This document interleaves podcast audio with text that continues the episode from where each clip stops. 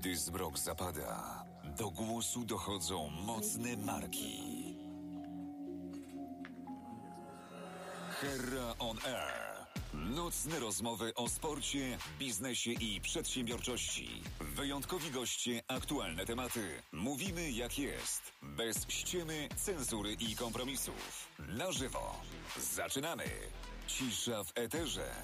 Oddajmy głos Herze. Dobry wieczór, witam bardzo serdecznie. Ja nazywam się Wojciech Hera, a dzisiaj będziemy rozmawiali o sporcie, biznesie i przedsiębiorczości, bo mamy szansę porozmawiać o kolarstwie, mamy szansę porozmawiać o przedsiębiorczości i mamy szansę porozmawiać o biznesie, takim prawdziwym, takim dużym, opartym o obsługę dużych y, klientów, dużych transakcji, międzynarodowym środowisku, bo waszym gościem dzisiaj jest Robert Lis. Robercie, niestety muszę ci na początek, e, albo ciebie na początek poprosić o chwilę przerwy, bo ja teraz muszę powiedzieć, jest kurwa, mamy to. E, ta kurtka, która tutaj wisi, jest oczywiście moją kurtką. E, e, oryginalną kurteczką e, z sklepu Top Gun Fashion. Taki piękny flyers, e, e, numer oczywiście MA1, czyli najbardziej popularna kurtka e, rock'n'rollowa na świecie zaraz obok Ramoneski. To jest kurtka moja, to jest kurtka, w której ja chodzę, a w tym oto pudełku. I to jest kurtka, którą mi przywiózł Darek. Darek, bardzo serdecznie Cię pozdrawiam. Przywiózł mi ją prosto z Nowego Jorku, a to jest paczka, która przyszła z Nowego e, również Jorku i jest jeszcze cały czas da, da, da, da, da, zabezpieczona w tym, jak się nazywa to, co jest ten, co komisja ta e, w, w lot to zawsze zry- zrywała. Plombą. Plomby. Jest plombą tutaj normalnie zabezpieczona. Top Gun Fashion to jest e, taka sama kurteczka, zupełnie nowa, jeszcze w oryginalnym e, kartonie Top Gun. E, pewnie porozmawiamy sobie, z czego jest wykonany ten karton i czy on jest na pewno dobrym, bezpiecznym kartonem i czy e, warto e, w takie kartony przy przesyłkach międzynarodowych inwestować. I ona już trafi do gościa, który kupił tę kurtkę, przekazując pieniądze na wielką orkiestrę świątecznej pomocy za 9100 zł. To jest jakieś kompletne wariactwo, to jest kompletna szajba, więc w tym momencie możecie wszyscy łapki w górę, serduszka w górę i generalnie wariujemy, bo to jest absolutna korba, jeśli chodzi o ten wynik e, uzyskany w tej aukcji. Ja, wystawiając tę kurtkę, modliłem się, że przekroczy, przekroczymy tysiaka. Byłem przekonany, że jak będzie 1500, to w ogóle będzie takie szaleństwo. Wystawiłem ją za 50 zł, zanim zdążyłem udostępnić na fejsie już było 400, e, no a później jakoś to poszło. Wiem, kto kupił, kupił gość z Łomianek, znaczy wiem dokładnie, kto kupił, ale jeszcze nie, ma, nie uzgodniłem z nim, czy mogę go, e, no, jak to się nazywa, opublikować, podać e, do publicznej wiadomości. Jak z nim to ustalę, jestem przeszczęśliwy. Znaczy, to jest chyba naprawdę w ostatnim czasie największe dobro, jakie zrobiłem. Hm? A ty? Zabiorę już kurtkę, bo ona nie będzie przed tematem naszego odcinka. No. A ty co zrobiłeś dobrego ostatnio? Co dobrego zrobiłem? Sernik zrobiłem dobry, wiesz? Na święta czy po? Po. Po Po święta też. No, po świętach zrobiłeś e, sernik, dobry. No dobra, to teraz jak już wiecie, że zwariowałem i w dzisiejszym odcinku obiecuję, że już więcej nie będę, no będę, pewnie będę bardzo często nawiązywał do tej kurtki, bo się jaram w opór, e, ale chciałbym, żebyś się trochę być może przedstawił, czyli powiedział nam, kim ty jesteś, co robisz i co ty wiesz o kartonach. Co ja wiem o kartonach? Słuchaj, to zacznijmy od tego, co ja robię. E, Zawodowo lubię robić marketing B2B. E, Dlaczego marketing B2B jest ciekawy, interesujący, to pewnie jeszcze o tym porozmawiamy. E, A jak długo go robisz? Jak długo go robię? 8-9 lat. I to jest cały bardzo czas. długo. To jest długo, ale to jest cały czas początek. Okej. E, To się tak zmienia i tak dużo się dzieje, że myślę, że jesteśmy dopiero na, na, na początku drogi. Myślę o firmie i myślę też o mnie, bo to jest w ogóle nowa dziedzina. Jestem Ślązakiem, z czego jestem bardzo dumny, Ale. Ślązakiem skąd? z Bytomia, czy takiego hardkorowego Górnego Śląska. Tak?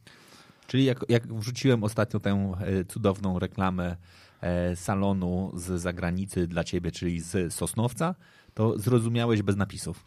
Prawie bez napisów, ale napisy też były perełką w tej reklamie. To, to było cudowne. Okej, to później oczywiście też wam wrzucimy ten link, bo ci, którzy już go widzieli, to oczywiście się uśmieją, a ci, którzy go zobaczą po raz kolejny, Mercedes Sosnowiec zrobi się to naprawdę dobrze. E, To jest akurat przykład pięknego marketingu lokalnego e, z wykorzystaniem lokalnych animozji i jednakże to jakby lokalnych cech odbiorców, którzy no, lubią sobie dworować z tego miasta, w którym jest ten salon i przepiękne, przepiękne, przepiękne, przepiękne wykorzystanie no, dość dużego kłopotu, no bo nie jest łatwo być e, salonem e, obsługującym e, katowicki region przemysłowy zlokalizowanym w Sosnowcu. Faltreichu, tak. I gdy, gdy, chcesz e, pozyskiwać klientów stamtąd. Dzisiaj pewnie już jest trochę łatwiej, ale przez wiele lat przepięknie, przepięknie to rozegrali. Dobra, wróćmy do ciebie. W końcu nie będziemy rozmawiali tylko o Mercedesie, ani o mojej kurtce, ale przede wszystkim o, o marketingu B2B. No, jak długo go robisz? Jest to 8 lat. E, zaczęło się od, e, zaczęło się od Microsoftu. Tam było coś takiego jak telefony, pamiętasz? Coś, co było przed Windows Phone? Windows Mobile był.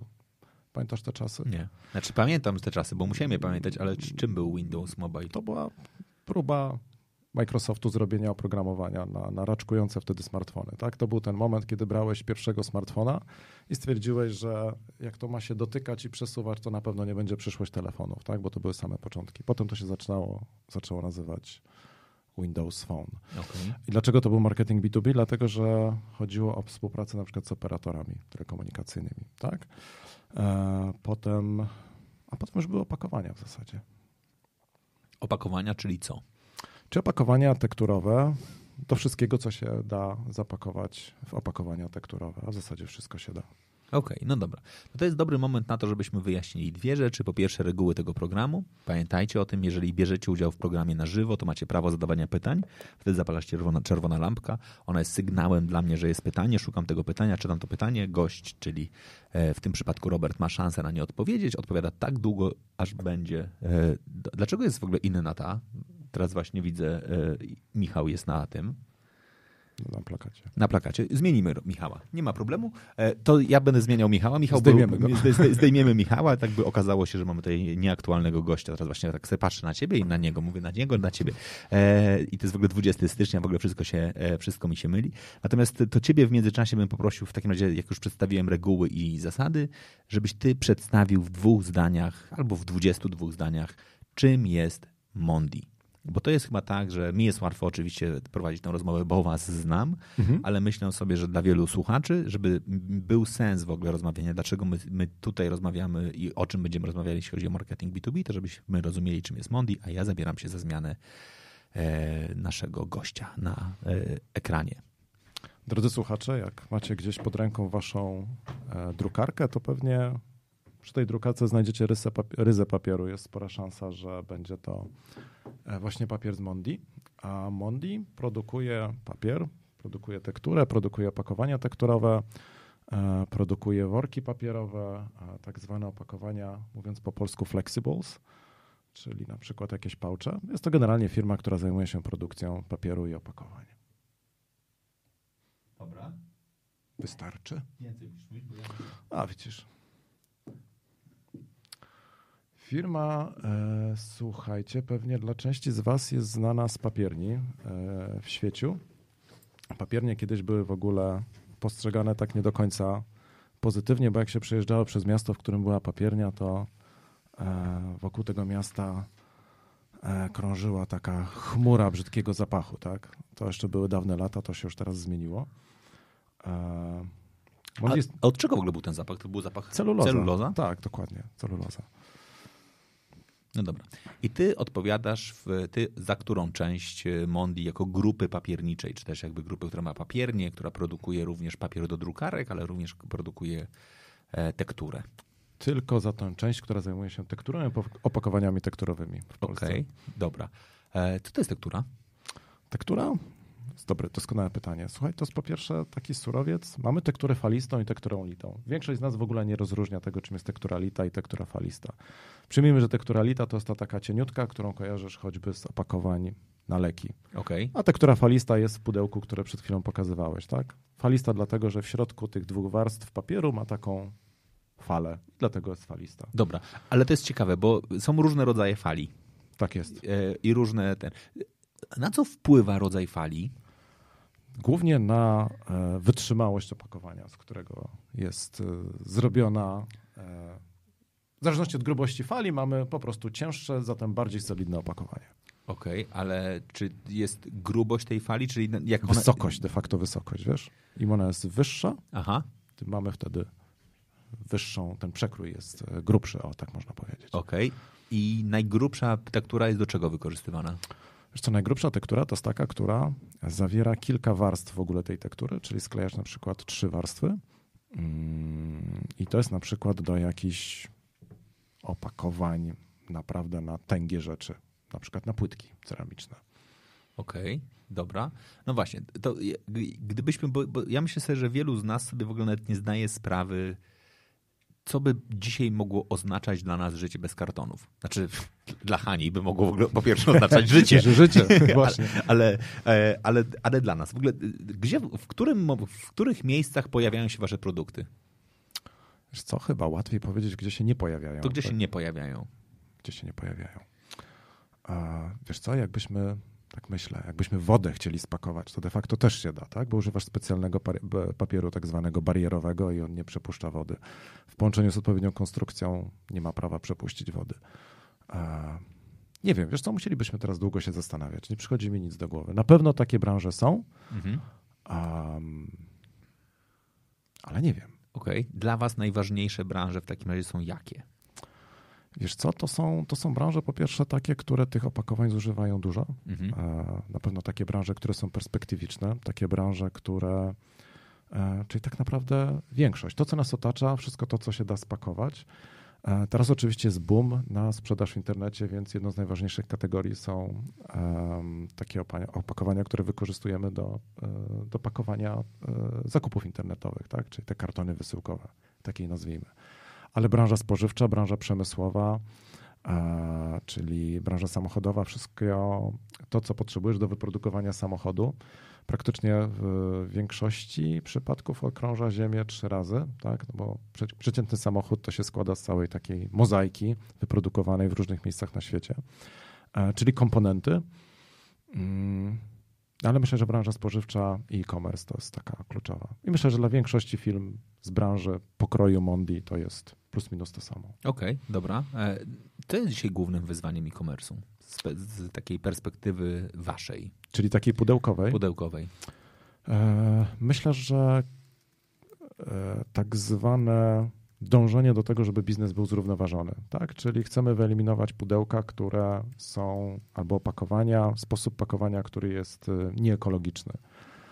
E, Mamy Wiesz, że to jest w ogóle ciekawe, bo jak ty zacząłeś o tym mówić, teraz, Mhm. znaczy dobra, zanim zadałem to pytanie, zacząłem się zastanawiać nad moją paczką, którą mam tutaj Okej. cały czas, która jest e, oryginalnie spakowana i ja przypomnę, albo tym, tym którym powiem, zobaczcie, to są nawet naklejki, to jest nawet napisane skierowano do magazynu, e, pobrać należności celne i podatkowe, tak, pa- paczka jest opodatkowana, ale jeżeli widzieliście, to to jest, krótko mówiąc, opakowanie wierzchnie.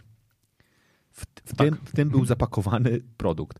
Wiesz, co jest charakterystyczną cechą najczęściej, jak otrzymujesz paczkę w e-commerce? Że otwierasz to opakowanie wierzchnie i co się okazuje? A w środku masz kolejne, tak? A w środku masz kolejne Dokładnie. opakowanie. To jest absolutnie genialne. Amerykanie z Nowego Jorku wewnątrz nie spakowali nic więcej. Znaczy, Mhm. wewnątrz jest tylko kurtka, mało tego jest y, zawinięta, żeby też ją trochę dodatkowo ochronić, ale żeby też ładniej wygl- wyglądała, w taki cieniutki papier. Nawet nie wiem, jak on się nazywa. Jak się nazywa taki cieniutki papier? Może wiesz, może? Pergamin? Nie, to już nie, bym przesadził, ale w taki, no, jest to t- turboekologiczny. Śniadaniowy. T- to Znaczy, o, mogę sobie, ja nie mogę. Gość, który kupił kurtkę, będzie miał bardzo dużą taką e, część e, papieru śniadaniowego, będzie mógł zabierać. To jest turboekologiczne. Znaczy w kategorii faktycznie jakby ekologii, i nie ma żadnego zbędnego materiału. Znaczy jest po prostu kurtka, która jest idealnie do... Mam jeszcze raz pokazać? Co, taśma jest nie- nieekologiczna? No dobra, jest taśmą nieekologiczną zaklejone. Okej, mogłoby być lepiej. Mogło być lepiej. A wy umiecie lepiej. Wiesz co, y, tak, y, możemy lepiej, ale to też zależy od y, de facto wszystko od potrzeb klienta, a tutaj sposobów logistyki, pakowania, potrzeb, chęci budowy wizerunku marki przez takie, a nie inne opakowanie jest tyle, że mm, czasem na przykład klienci dochodzą do wniosku, że nie potrzebują jakichś super ekstra bajerów, bo na przykład zakładają, że ten produkt do nich nie wróci. A kiedy prowadzisz biznes, w którym jest duża, duży odsetek zwrotów, te opakowania mogą wyglądać na przykład trochę inaczej, żeby tak zwany user experience był bardziej pozytywny, czyli ułatwiasz klientowi zwrot w taki sposób, żeby na przykład nie biegał po domu, nie szukał taśmy klejącej, e, potem żeby to zakleić, tylko masz tam na przykład takie paski, które zrywasz i kleją się same. Tak? To jest e, tyle, ile jest biznesów, każdy ma trochę inną perspektywę na to, jak budować doświadczenie klienta, co on chce tym opakowaniem zakomunikować. Czy ono ma być super kolorowe, czy wręcz przeciwnie, ma być jeden kolor, bo chcesz powiedzieć, że jesteśmy proekologiczni, więcej kolorów, to byłoby większe zużycie energii e, i tak dalej, i tak dalej. Na przykład branża fashion, z tego co ostatnio usłyszałem, będzie głównie konkurować tym, jak marka dostosowała się do najnowszych wymogów klientów w zakresie bycia zrównoważonym. Tak, czyli będą pokazywać wszystko od tego, że używają światu, e, świetlówek tak, mhm. LEDowych mhm. na hali produkcyjnej, poprzez, e, nie wiem, obieg zamknięty wody, kończąc na tym, że sprawdzili dokładnie, jak jego dostawca opakowań te opakowania produkuje.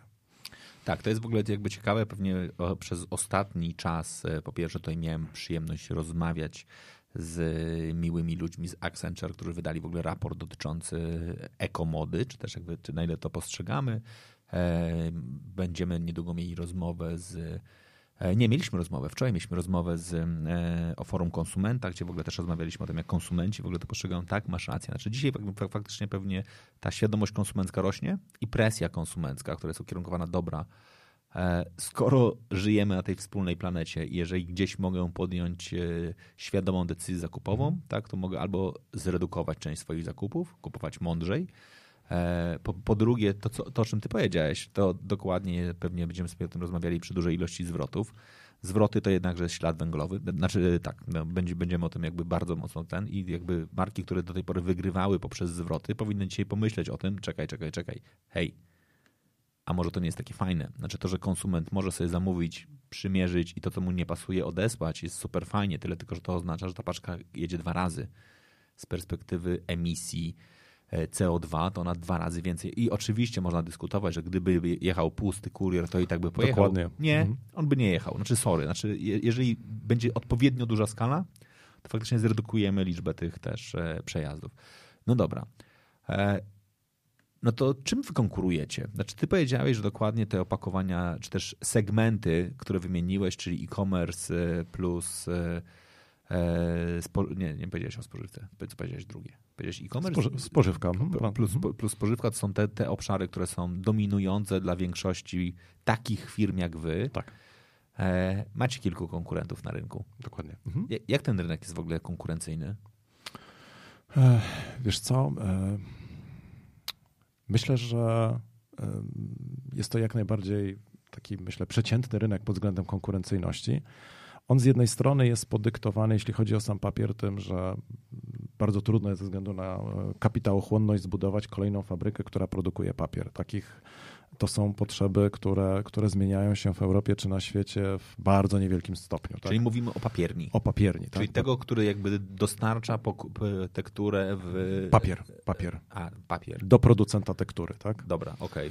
Okay. E, I to jest, można powiedzieć, papiernia, to jest taki e, najwolniejszy element tego całego e, systemu produkcji tak, tektury i potem, potem opakowań. Natomiast konsumpcja generalnie rośnie, zapotrzebowania na opakowania, między innymi ze względu na e-commerce e, też rośnie, więc e, wolumenowo to wszystko idzie do góry e, i można powiedzieć, że jest to atrakcyjna branża. Ona nie ma pewnie stopy zwrotu jakiejś super atrakcyjnej dla wiem, funduszy inwestycyjnych, mhm. ale konkurencja zdecydowanie jest, ale co ciekawe, będziemy też rozmawiać o marketingu, to akurat jeszcze na poziomie na przykład marketingu w tej branży to tego jeszcze tak nie widać, nie? Ale to jest typowe dla, dla, może dla przemysłu, tak? Że ten marketing B2B jeszcze nie jest taki, wiesz, nie rozpychamy się tak bardzo, tak? Okej, okay, czyli ile jest firm mniej więcej w Polsce? E, około 10 takich rozpoznawalnych, tak? Dużych Jakbyś takich na, pozi- na, waszym, na, waszym, poziomie? E, po, na waszym poziomie są, to jest taka wielka czwórka, tak? To okay. są cztery firmy. Mhm. No dobra. Ale powiedziałeś, że większość do, uciera, do, dociera do tego samego klienta, a powiedzmy sobie szczerze, albo tak mi się wydaje, pudełko nie ma jakichś gigantycznych e, przewag na poziomie produktowym. Znaczy, że nagle powiemy sobie, tada, moje pudełka są zupełnie inne. Oprócz tego, że są na przykład bezpieczne i ratują kierowców, którzy w nie wjeżdżają. Tu Hanka, ja cały czas, ja mam, jest, jest mi strasznie przykro, że z tego powodu musiałaś pożegnać się z, ze światem, na szczęście tego serialu. Kryzys PR-owy dla branży w ogóle. W ogóle myślę, że ca, ca, wszyscy powiedzieli, nie, bojkotujemy, nie będziemy kupowali kartonów, w ogóle no way. No to, no, to, to, oprócz tego takiego, wiesz, bardzo charakterystycznego feature'a, który można sobie wyobrazić, nie zabija Hanki, e, to, to ciężko jest konkurować produktowo.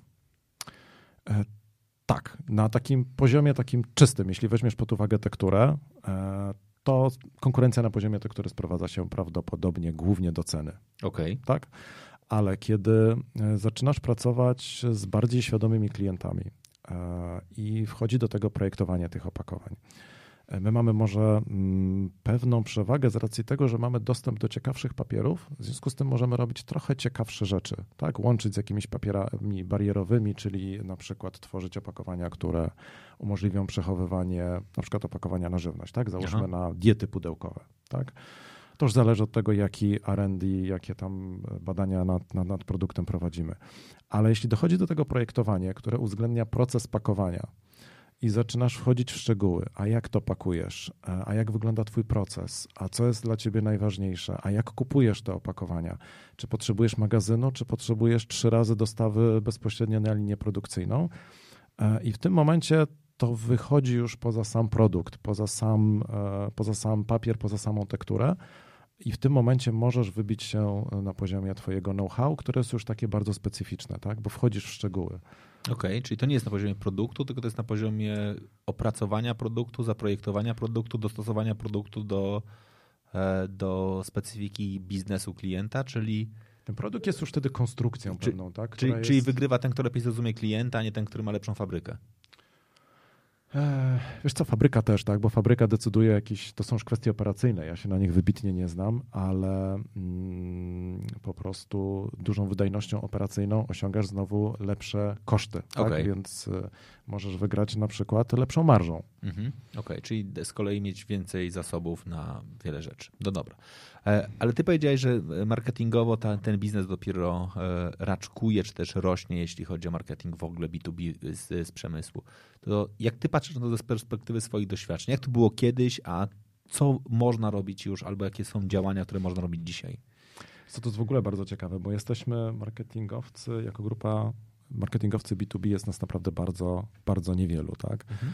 E, jest kilka rozpoznawanych osób w Polsce, e, między innymi Łukasz Kosunia, którego gościłeś. No tak, no ale wiesz, no, no dobra, Łukasz to jest faktycznie no, chodząca legenda marketingu B2B. To jest chodząca legenda. E, I kiedyś, wracając do twojego pytania, kiedyś to było tak i chyba w ogóle z racji tego, że nas jest tak mało i tak mało się wie o tym, o tym co my robimy, mm, to myślę, że nie tylko kiedyś, ale cały czas kojarzy się nas z konferencjami, mhm. E, z jakimiś wyjazdami typu incentive, e, z giftami świątecznymi, nomen omen, o których też niedawno rozmawialiśmy, wszelkiego rodzaju konferencjami kończącymi, kończącymi się zakrapianymi kolacjami gdzieś tam o trzeciej nad ranem. I myślę, że taką, wiesz, w ogóle trochę przesznością, nie? Foldery, które potem gdzieś tam śmiecą pozostałości po jakiejś konferencji albo, albo po targach.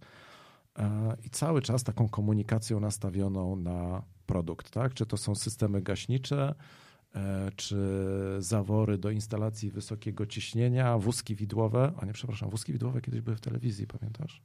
Nie? Wózki widłowe z ręb, nie pamiętasz? A, okej, okay, dobra, to tak. 80, 90 to, to, dobra, to, to, były, nie? Okej. Okay. E, czyli, czyli e, takie rzeczy, które e, myślę, że marketingowca, który pracuje w tym marketingu konsumenckim w życiu by wiesz, nie przeciągnęły na, na drugą stronę barykady. Natomiast ten marketing, przynajmniej z mojej perspektywy, jest znacznie ciekawszy od marketingu konsumenckiego. Masz bardzo ciekawe narzędzie, jakim jest internet. W ogóle cały, możemy mówić o procesie zakupowym, który się zmienił, prawda? po stronie, e, po stronie potencjalnego klienta i to uruchomiło zupełnie nowe narzędzia e, marketingu, czyli marketing cyfrowy, mm, marketing treści. E, myślę, że mm, drugie życie mają też wydarzenia branżowe i konferencje.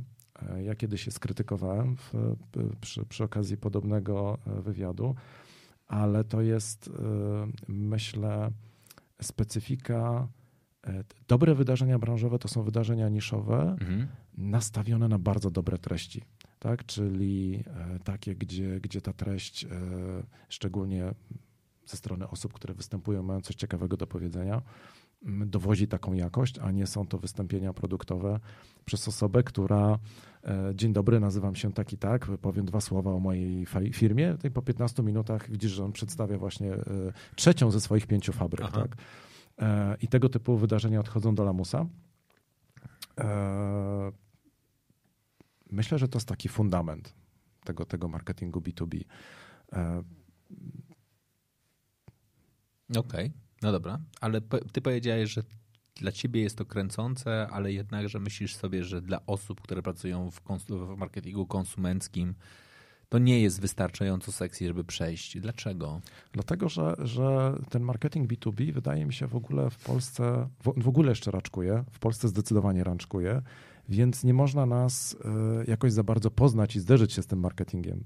Systematycznie e, mam jakieś rozmowy na przykład z kolegami czy koleżankami, które, z którymi jeszcze pracowałem w, marketingu konsumenckim. A, Robert, szukam pracy, słuchaj, nie wiesz, co tam się dzieje. No, ja mówię, nie wiem, co tam się dzieje, bo już straciłem kontakt z marketingiem konsumenckim, ale mówię, rozejrzyj się za marketingiem B2B. E, I jak prowadzimy takie rozmowy mniej więcej przez ostatnich 10 lat, to jak tłumaczę, że to jest ciekawe i dlaczego to jest ciekawe i dlaczego to jest kręcące, to wiesz, tak słyszę, że e, wypada mnie wysłuchać do końca, ale Okej. to nie jest przekonujące. Natomiast e, dlaczego to jest ciekawe? E, Moim zdaniem e, Pamiętam takie czasy, kiedy, kiedy pracując e, w firmie, która produkuje słodycze, na przykład dochodziło do takiej prezentacji badań rynkowych. Mhm. E, No i tam dochodziło do takich sytuacji, w których, żeby udowodnić, że twój e, produkt e, mm, no nie tyle jest w top 3, ale najlepiej, żeby był pierwszy na rynku, zgarniał największe kategorie, rozmawiało się z firmą badającą rynek, stwórzmy, słuchaj, taką niszę. I żebym tutaj nie, nikogo nie, nie skrytykował, to na przykład wyobraź sobie batoniki czekoladowe o gramaturze nie większej niż, o smaku Mhm. takim, w opakowaniu takim. No i jak zawęziłeś tę kategorię, no to wychodziło, że ten batonik jest największy. I to jest cały czas po prostu, wiesz, widziałem takie, takie, e, taką kreatywną księgowość, tak? E, Druga rzecz jest taka, że mówisz do mas, mówisz e, mediami masowymi, telewizorem, internetem. To oczywiście może być bardzo kreatywne, ale to, co jest mega pociągające, że w marketingu B2B e, nie możesz się za nikim schować. Wychodzisz na jakąś ciekawą konferencję jako prezenter, masz coś do powiedzenia i ludzie na ciebie patrzą. Mhm. Spotykasz się z klientem, e, w ciągu 15 sekund widzisz po jego twarzy, czy co to mówisz ma sens, czy po prostu stary przynudzasz, nie interesuje mnie twoja oferta. I to jest ciekawe w kontekście rozwoju osobistego. Ty musisz zastanowić się, co chcesz powiedzieć. Ten słynny mail do Vito, tak? Pewnie jeszcze o tym porozmawiamy. Jednym z narzędzi, o którym powiedziałem, są wystąpienia publiczne. Mhm. Te wystąpienia publiczne teraz y, można rozumieć bardzo szeroko. Teraz mamy wystąpienie publiczne. Mhm. Kiedy nagrywasz y, dwuminutowy secik na LinkedIna, to też jest wystąpienie publiczne. Kiedy występujesz, ym, kiedy występujesz na jakiejś prezentacji, to też jest wystąpienie publiczne. Y, Zmienia się cała twoja perspektywa y, przygotowania się do czegoś y, takiego. Twojego postu reklamy nie robi agencja, ty jesteś tą osobą. I to jest, powiem ci, takie bardzo motywujące do zmian, do pracy nad sobą. E, Pracujesz nad prezentacjami. Poza tym, e, zupełnie inaczej, wydaje mi się, wygląda perspektywa walki o Twoją uwagę jako marketingowca e, w organizacji. E, specyfika B2B, także nasza jako producenta, jest e, taka, wiesz, bardzo nastawiona na sprzedaż. Mhm. Czyli ty musisz dowieść. E, Kiedyś mogłeś się zasłonić lajkami, e, wzrostem sprzedaży, ale ten wzrost sprzedaży mógł być przypisany, wiesz, wielu rzeczom. Sezonowości, produkt był udany, twoja agencja reklamowa zrobiła świetną kreację. A tu, kiedy walczysz o budżet, kiedy uzasadniasz swoje w ogóle bycie w firmie, ty musisz powiedzieć, że to, co zrobiłeś, musisz wykazać, że to się przełożyło na sprzedaż. I to jest, jeśli lubisz takie wyzwania, to naprawdę marketing B2B jest zdecydowanie, zdecydowanie dla ciebie. E, Poza tym, ten marketing raczkuje w wielu firmach Mhm. i on w ogóle raczkuje. Czyli to jest taki moment, kiedy ty możesz zacząć coś od nowa. Powiedz mi, kiedy w jakiejś firmie zaczęło się coś od nowa? A tu możesz budować działania marketingowe w przypadku wielu organizacji zupełnie od początku, jeśli zbudujesz dobrą pozycję i będziesz wiarygodnym partnerem dla zarządu, dla prezesa, dla właściciela, zależy od struktury organizacyjnej, to naprawdę możesz, e, możesz dużo potem osiągnąć. Okej. Okay. Ty powiedziałeś o tym, że e, ten element jakby kręcący to jest to też bezpośredni wpływ na wynik.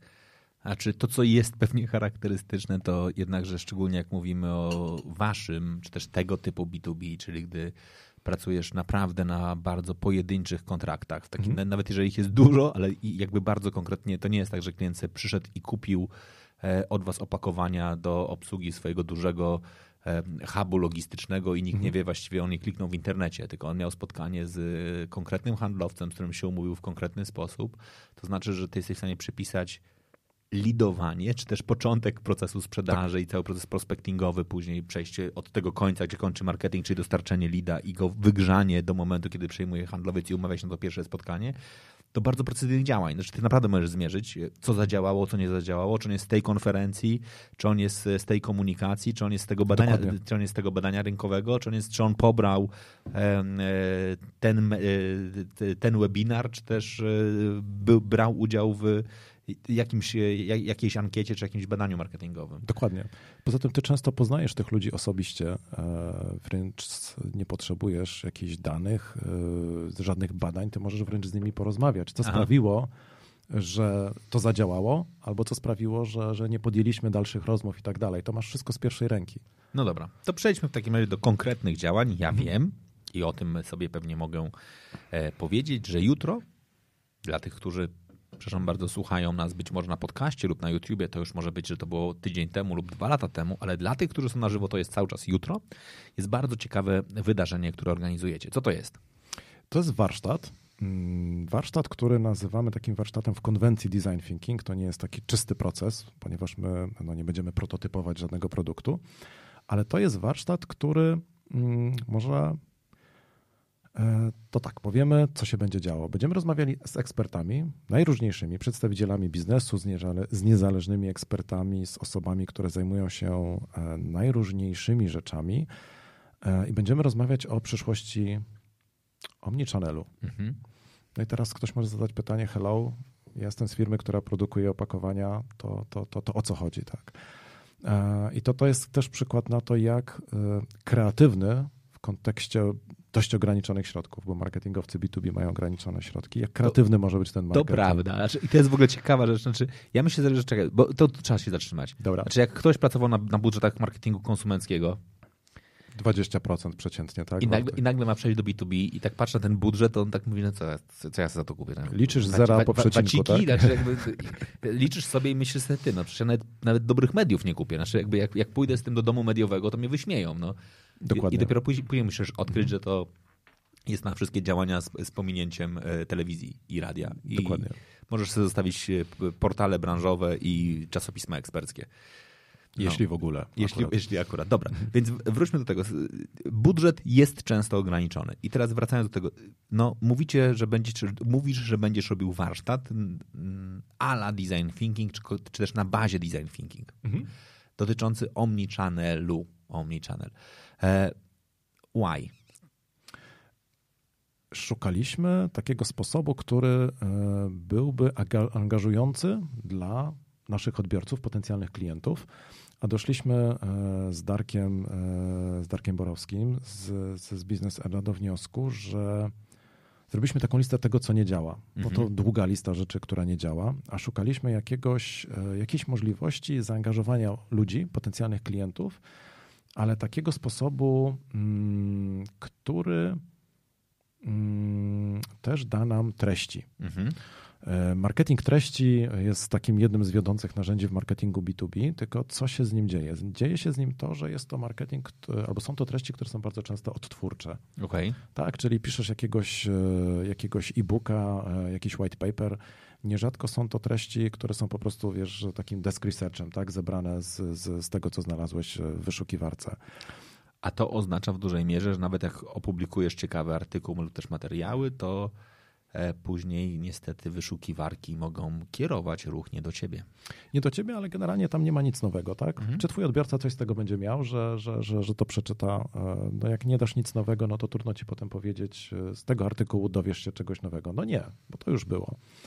I zastanawialiśmy się nad kilkoma sposobami, e, kilkoma pomysłami. E, jako ciekawostka, wiesz, e, śniadania biznesowe przeszły nam przez myśl, ale się okazało, że to już jest takie. Naprawdę? U, zużyte trochę. Uznaliście, wiesz? że śniadania biznesowe nie są ciekawym pomysłem? Wiesz co, nie. Nie chcę tutaj nikogo urazić, kto wiesz, korzysta z tej formy, ale bardzo często z tych przykładów, które, które staraliśmy się podglądać, no one zostały spalone. Tak? Po prostu produktowym marketingiem, tak? czyli one nie dowiozły tej obietnicy, że, że temat rozmowy będzie po prostu ciekawy.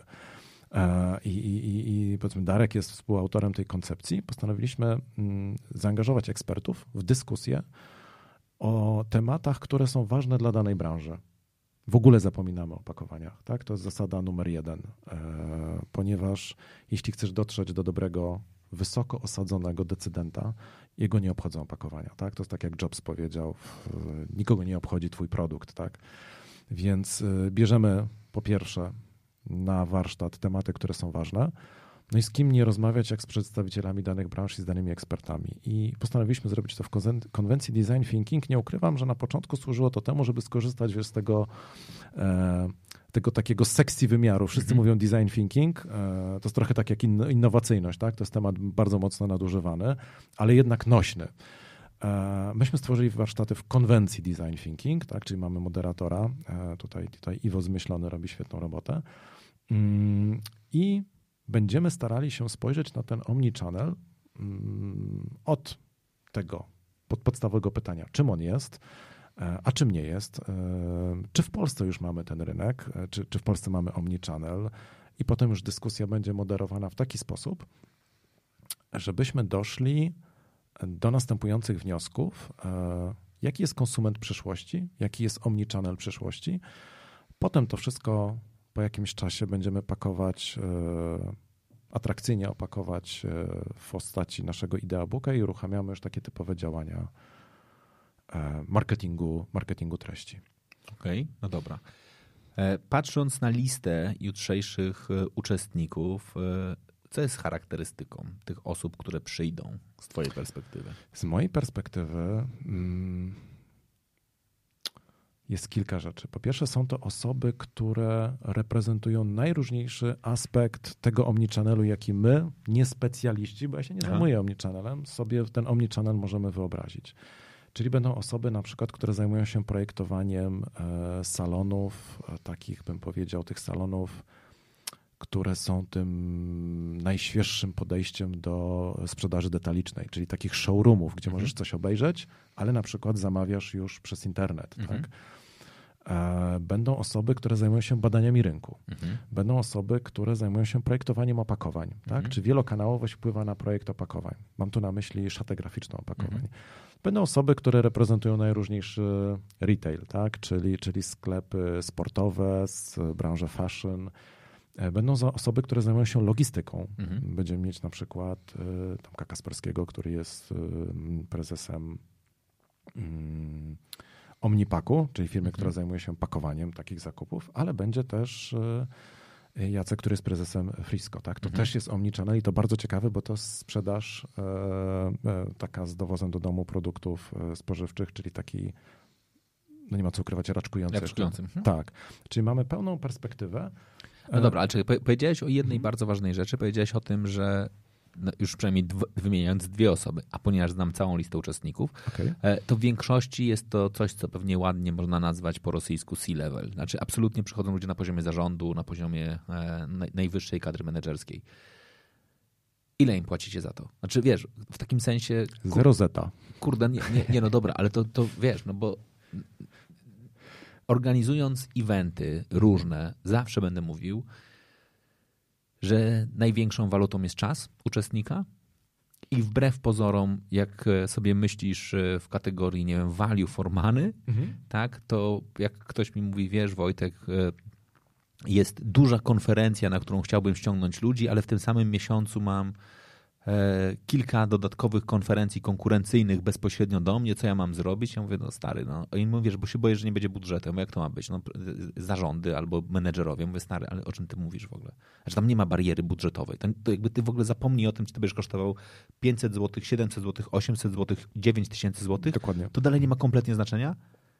Ten człowiek ma zapłacić swoim najcenniejszym zasobem, jaki jest, czyli swoim czasem. On ma poświęcić swoją uwagę na 2, 4, 8, 10 godzin swojej obecności. Co sprawia, Twoim zdaniem, że jesteś w stanie przekonać no, kilkunastu, nawet dwudziestu ludzi, którzy przychodzą mm. i mówią: Dobra, moim dość cennym czasem, zarządzam dość nie, niemałymi organizacjami, mam dużo obowiązków na głowie. E, początek roku, jestem gotów się zaangażować. Dlaczego oni przychodzą do ciebie? No i kolejny punkt. E, Mondi. Jakie Mondi? Tak, umówmy się, jesteśmy firmą przemysłową, czyli jesteśmy firmą, która nie ma jakiejś ogromnej rozpoznawalności, mhm. tak? Więc y, y, my się nie znamy. Nie jesteśmy rozpoznawalną marką, nie jesteśmy, y, nie wiem, można tutaj sobie wyobrazić jakieś, jakieś znane firmy. Podeszliśmy do tego bardzo purystycznie, to znaczy E, bohaterem tego jutrzejszego spotkania jest wiedza i jest merytoryka. I to jest taka obietnica, po pierwsze, którą dałem, że my będziemy rozmawiać e, tylko i wyłącznie o omnichannelu. Będziemy rozmawiać w sposób moderowany, niezależnie. E, I dowieziemy, postaramy się zrobić wszystko, żeby ta dyskusja była merytoryczna na najwyższym poziomie. Jak układaliśmy taką propozycję wartości dla tych ludzi, tutaj Iwo jest niezastąpiony, bo Iwo wymyślił um, określenie zysk poznawczy. Tak? No, pytasz właśnie o to, mhm. co, należy, co należy zrobić, żeby e, prezes firmy na wydarzenie, które nie ma żadnej renomy, nie ma żadnej marki, przyszedł i poświęcił 8 godzin i dał nie tylko swój czas, ale to, co ma w swojej głowie, tak? Mhm. czyli wiedzę. E, a to jest wiedza bardzo cenna. I e, jest to zysk poznawczy, czyli my poprzez ten proces zarządzany przez Iwo chcemy e, wyzwolić e, zupełnie nowe jakby pokłady. Nie chcę mówić tutaj o innowacyjności, ale po prostu na pewno dojdziemy do czegoś zupełnie nowego. Jakby ta niezależna moderacja jest w pewnym sensie gwarancją. I myślę, że jeśli ten networking jest naprawdę wysokiej, networking, takie polskie słowo, wysokiej jakości, to e, szczególnie, że jeszcze są to osoby, wiesz, wymieszane z różnych branż, myślę, że każdy może mieć z tego coś, e, e, coś dla siebie.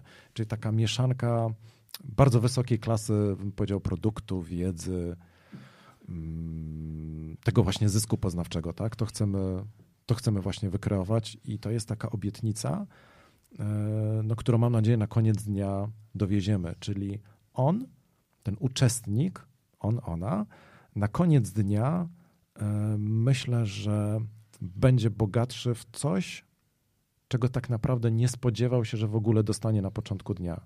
I to jest tak naprawdę majstersztyk, żeby, e, żeby to dowieść. Czekaj, ale to, to, są dwa wymiary. Znaczy pierwszy wymiar, ty powiedziałeś, że tam nie będzie nic o Mondi. Ty to tak nie działa. Znaczy ja pracuję dla wielu klientów i e, bardzo szanuję i tu bardzo mogę podkreślić, bardzo dziękuję za zaufanie, którym na ostatniej konferencji hotelowej um, obdarzyło mnie Nespresso. Bardzo dziękuję za to, że pozwolili i powiedzieli, dobra Wojtek, jesteśmy sponsorem. Mhm. E, ponieważ największą masakrą, którą można zrobić e, podczas konferencji zewnętrznej, to jak sponsor wychodzi, dokładnie opowiada o swoich produktach. Więc uknuliśmy, powiedzieliśmy, dobra Wojtek, mamy 7 minut, zrób prezentację dotyczących doświadczeń klienta w hotelu i przemyć tam Nespresso. Absolutnie moim zdaniem genialna. Znaczy kilka osób, które było na tej konferencji, wiem, że mówię to o swojej, konfer- swoim wystąpieniu, ale naprawdę było fajne, bo miałem jedną rzecz. Mhm. Osoby z Nespresso powiedziały, Wojtek, wiemy, że zrobisz to dobrze, nie wciskamy ci produktu. Tak? W związku okay. z czym to nie było pod tytułem e, kawa jest najlepsza, bo jest e, e, zbierana z takich i takich ziaren, w tym, w tym i ten jest do tego ekologiczna, tralala. Nie, tam w ogóle nie było prezentacji, było absolutnie w 100% o gościu. Ale to się rzadko zdarza. Wiele osób do mnie przyszło i powiedziało, Wojtek, jak ci się udało ich przekonać do tego, żeby nie wciskać nachalnie, wiesz, produktu, tylko żeby to zrobić. Po mnie niestety mieli też moi przyjaciele z motoryzacji, prezentację, która już nie spotkała się z tak dużym e, uznaniem, bo przyszli i opowiedzieli o swoich nowych modelach. E, I teraz, kurde, co sprawia, że ja wiem, ty masz trochę też, bo to często marketing mówi, a weź tam wsadź jeszcze dwa rolapy, albo jeszcze zróbmy prezentację, ale że organizacja się na to odważa, bo to wiesz, to nie jest takie łatwe, nie? Na poziomie, wyobraź sobie, wiesz, że zapraszasz swoich klientów i nagle ktoś mówi, co e, nie będzie słowa prezesa o firmie, albo nie będzie słowa marketera o, o, o rozwiązaniach, o technologii? Nie, nie, zero. Wiesz, to zupełnie zero, bo to jest... E, z jednej strony to jest taka zasada dobrego marketingu treści. Z drugiej strony e, to jest szacunek dla odbiorcy. Tak? W tym momencie tym odbiorcą w pierwszej kolejności, zanim nie rozpoczniemy jakichś tam działań marketingu treści, jest uczestnik mhm. warsztatu. E, I ja na dzień dobry musz, obdarzam go ogromnym szacunkiem. Tak, to są ludzie, którzy mnie nie znają, poświęcają swój czas. Ja muszę zagwarantować to, że po pierwsze, jeśli nawet jest tam potencjalny klient, to ja nie mogę go zrazić. Ja muszę dowieść tą obietnicę merytoryczności. Tak więc ta, ta merytoryka na najwyższym poziomie, jakby renoma IWO, tego, że to będzie moderowane w niezależny sposób, jest no, jedną z tych rzeczy. Ale my wiemy, że to zadziała. To jest tak, jak słuchaj, dobry prezenter na konferencji, e, który na przykład reprezentuje jakąś firmę, mówi, o, mówi ciekawie, nie mówi o firmie, mówi jakieś, o jakiejś historii, potrafi zainspirować, czy wiesz, cały ten storytelling i tak dalej, i tak dalej. Jeśli on wprowadzi ludzi w jakiś, e, jeśli on to zrobi ciekawie, zainspiruje ludzi, po 15 minutach powie dziękuję, to sam wiesz, że na końcu e, to najwięcej osób podchodzi właśnie do tej osoby. Tak? Właśnie dlatego, że powiedział o czymś ciekawym, w domyśle czymś, co jest ważne i interesujące dla odbiorcy. No fundamenty marketingu treści. I my przejmujemy dokładnie tą samą zasadę. Czekaj, ale nie... Nie, nie mamy rolapu. Dobra, nie, nie, nie, nie, nie dobra, nie ma rolapu, ale e, ty powiedziałeś, o, ty, nie wszyscy to usłyszeli, ale powiedziałeś takie być może, znaczy usłyszeli na pewno, nie wiem, czy wybrzmiało wystarczająco mocno. E, ty powiedziałeś, że tam są osoby, których ty nie znasz. Albo, że oni ciebie nie znają. E, wiesz co, i to jest e, fenomen. Kiedy, kiedy w zeszły, w ostatni piątek obdzwaniałem wszystkich, to potwierdzili, że będą, tak? Czyli to jest taka obietnica wartości, którą dałem tym ludziom. I to są takie dwa ważne słowa. Obietnica to jest coś bardzo osobistego, tak? Czyli ja pisząc do tych osób, i to jest faktycznie to, co powiedziałeś, 80% osób nie poznałem.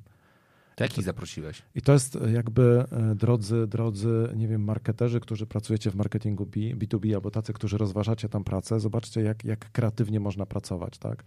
To jest, ja używam twojej terminologii ze szkoleń e, Value Based Selling, to był, to był klasyczny mail do, do Vito, tak? Czyli Very important. Top officer. Top officer, dzięki. Czekaj, bo ja teraz niby mówimy o marketingu treści. Ja bym chciałbym, żeby to wybrzmiało value-based selling. Pamiętajcie, hashtag value-based selling. Jeżeli oglądacie to w przyszłości na LinkedInie, hashtag value-based selling. Proszę bardzo. Sprzedaż oparta o wartości.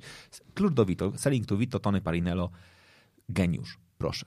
Tak, i e, to a propos kolejnego wyzwania, zaczynasz pisać do osób właśnie z C-levela, tak? Wiesz, mm -hmm. że ta wiadomość musi być krótka i to też było dla mnie bardzo ciekawe wyzwanie.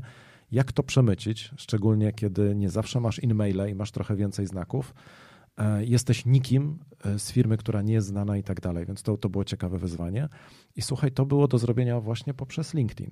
To jest też przykład, jak marketingowiec wykorzystuje LinkedIn, bo de facto ja sprzedawałem, tak? Ja musiałem kupić czas tej osoby. Ale ty ich zapraszałeś? Ja ich zapraszałem, po prostu. Ale to wiesz, co się wydarzyło, nie? Ty nie zrobiłeś coś, co ja, to, przepraszam bardzo, to podkreślę, ale to jest jedna z trudniejszych rzeczy w marketingu, bo ja znam firmy, które organizują wydarzenia B2B, mm -hmm i oni później bardzo często do mnie przychodzą, trochę skarżąc się na handlowców. Mówią, okay. Wojtek, myśmy zamówili hotel, myśmy zapewnili śniadanie, myśmy przygotowali wszystko, myśmy zorganizowali i jedyną rzeczą, o którą poprosiliśmy handlowców, to żeby zaprosili swoich i potencjalnych klientów. I oni tego nie zrobili. Okej. Okay to dlaczego ty nie powiedziałeś swoim handlowcom, nie powiedziałeś, ty słuchajcie, organizujemy bardzo fajny event e, i wiem, że go do końca nie rozumiecie, bo on nie będzie dotyczył sprzedaży opakowań, na których się znacie bardzo dobrze, ale będziemy rozmawiali o wyzwaniach waszych klientów, czy moglibyście ich zaprosić. Również tych, których jeszcze nie znacie, ale są w waszym e, regionie, targecie, obszarze. Wiesz co, bo to jest, no to wchodzimy w taki bardzo ciekawy temat, czyli tej relacji marketingu i sprzedaży. Tak? Ona, ona jest na pewno e, żywa w każdej organizacji, czy, czy tej B2C, B2B. Mm, ale y, wiesz co, mi było łatwiej, bo ja nie mam w ogóle obciążenia targetowego. Tak? Okay. Ja po prostu uderzam z perspektywy e, wartości dla odbiorcy. E, nade mną wisi taki target, który e, może nie jest rozliczany miesięcznie, kwartalnie. Ja wiem, że ja to muszę zrobić, ale ja mam na to czas. Ja to mogę zrobić w sposób, jakby nie obrażając moich kolegów ze sprzedaży, jakościowy. Poza tym wiem, że produktem absolutnie do tych osób nie dotrę. Tak, nie mam co startować z perspektywy produktu, czyli ja od razu starałem się znaleźć e, tą, tą wartość, to, co może zainteresować daną osobę. Tak? No to, co powiedzieliśmy, ten zysk poznawczy, tak? to, że to będzie merytoryka, to, że będzie bardzo taki ciekawy, niebanalny networking. E, I powiem ci, e, to, była, to był pierwszy raz, kiedy ja pisałem tego typu wiadomości. Znaczy pierwszy raz był powiedzmy w sierpniu, kiedy przygotowywaliśmy ten warsztat o, o zwrotach w e-commerce. Jak czytałem kiedyś jakieś książki sprzedażowe, bo też się o tym interesuje, ty, tym się interesuje, jak się w ogóle zaczyna te wszystkie rozmowy, social selling, co tam musisz zawrzeć w tym mailu i tak dalej, nie dawałem sobie specjalnych nadziei na, na sukces. A tym razem okazało się, że ten, e, mówiąc po polsku, hit rate jest na poziomie wiesz, 90%, tak? Czyli to działa i to pokazuje, że za przysłowiowe zero zetów naprawdę możesz dotrzeć do tych, do tych ludzi. I oni przyjdą. Przekonamy się jutro rano. Okej, okay, dobra. Ale powiedziałeś o, fa o, fajnej rzeczy, a mianowicie o tym, że robiliście już podobne wydarzenie poprzednio. Mhm. Kiedy? E, we wrześniu, na początku września. O czym był? O zwrotach w e-commerce. Okej. Okay. I jak patrzysz z perspektywy rezultatów, które udało się wygenerować podczas tamtego warsztatu, to z twojej perspektywy, z perspektywy marketingowca w B2B, który stara się być rozliczany z rezultatów lub też jest rozliczany z rezultatów. Jakie główne wartości? Główne co, wartości? co udało się wygenerować? E, Uzyskać, osiągnąć. Wiesz co, z mojej perspektywy, takiej osoby, która była bardzo ciekawa, czy to w ogóle wypali, to mieliśmy koncept, który udało się przetestować. I to mhm. jest największa frajda. E, I myślę, że to jest też taka frajda w ogóle w marketingu B2B, że możesz próbować wielu rzeczy. E, które, e, które to głównie rodzą się z tego, że właśnie masz ograniczone środki i musisz kombinować. Więc był koncept i chciałem sprawdzić, czy on zadziała. Czy uda mi się kogoś ściągnąć, czy to wypali, czy, czy ktoś w połowie tego spotkania w ogóle nie wyjdzie, bo stwierdzi, wiesz co, no przynudzamy, spieprzajcie, tak, nie jest, nie jest, nie jest fajne. E, w ogóle zmarnowałem dzień, była osoba, która przyjechała z Poznania. E, o, to oni są w ogóle oszczędni, również w czasie.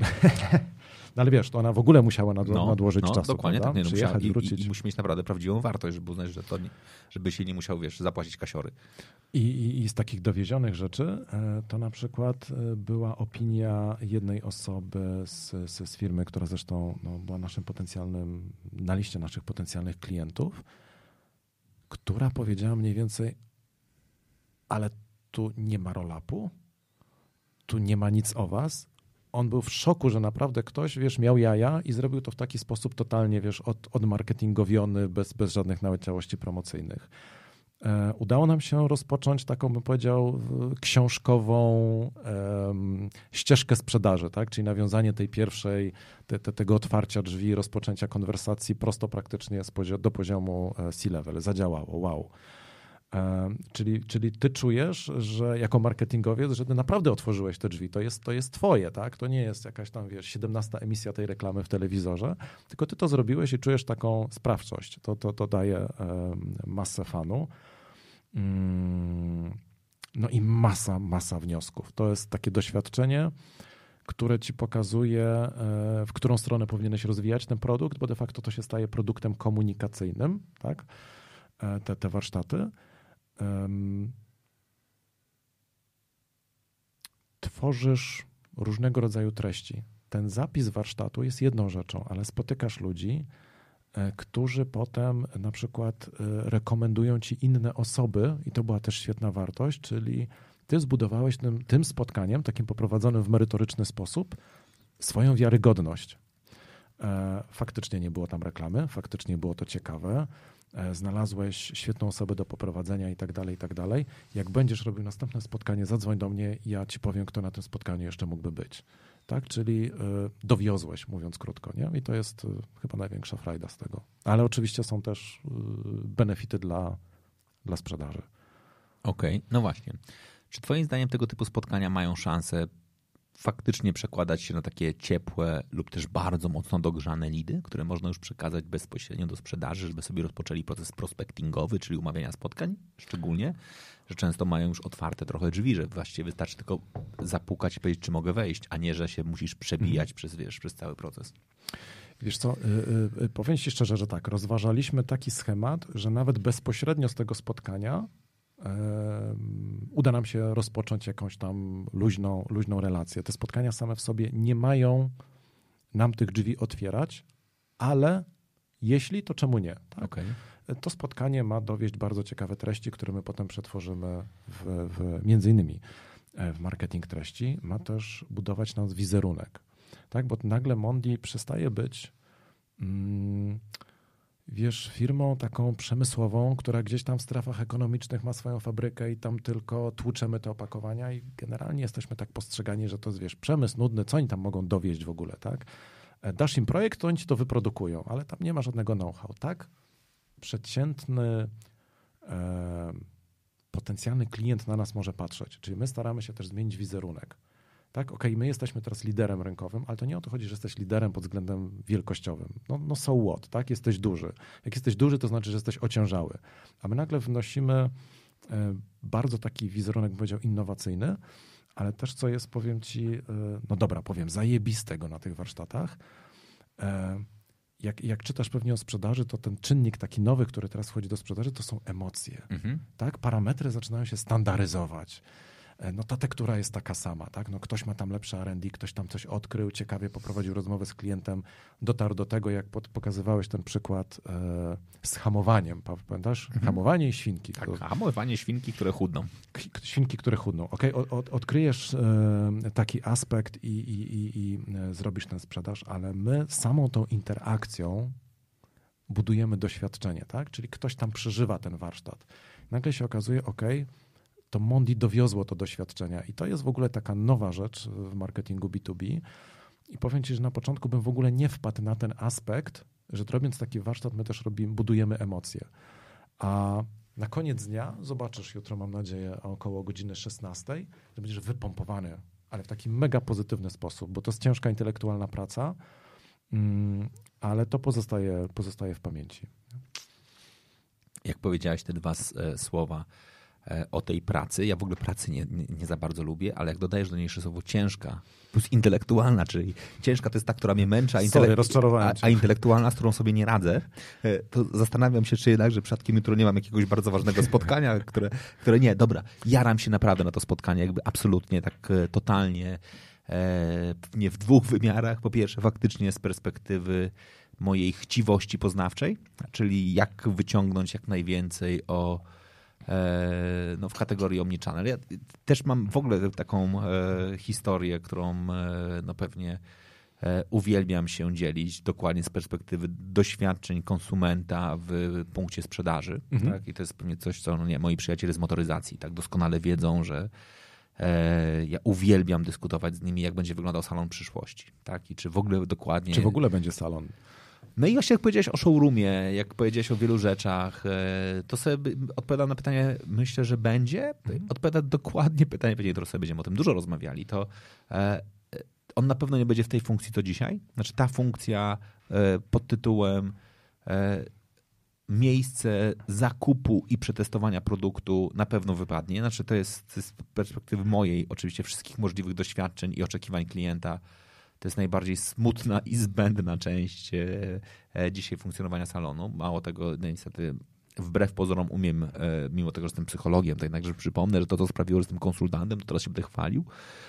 To jest moment, kiedy skończyłem finanse dla niefinansistów i ja jednakże oprócz tego backgroundu psychologicznego uwielbiam patrzeć na cyfry mhm. i jak sobie spojrzymy na aspekt ekonomiczny, tak, to utrzymywanie tych potężnych pałaców, salonów z, ze zderzeniem z digitalizacją i oczekiwaniami kolejnych konsumentów, nie wiem, czy jest naj, naj, najlepszym pomysłem, tak? Znaczy, że generalnie tam, jeżeli tam nie wprowadzimy innych emocji, to jest właśnie dokładnie pewnie wyzwanie zakupowych niż te, które są związane z doświadczeniem produktu.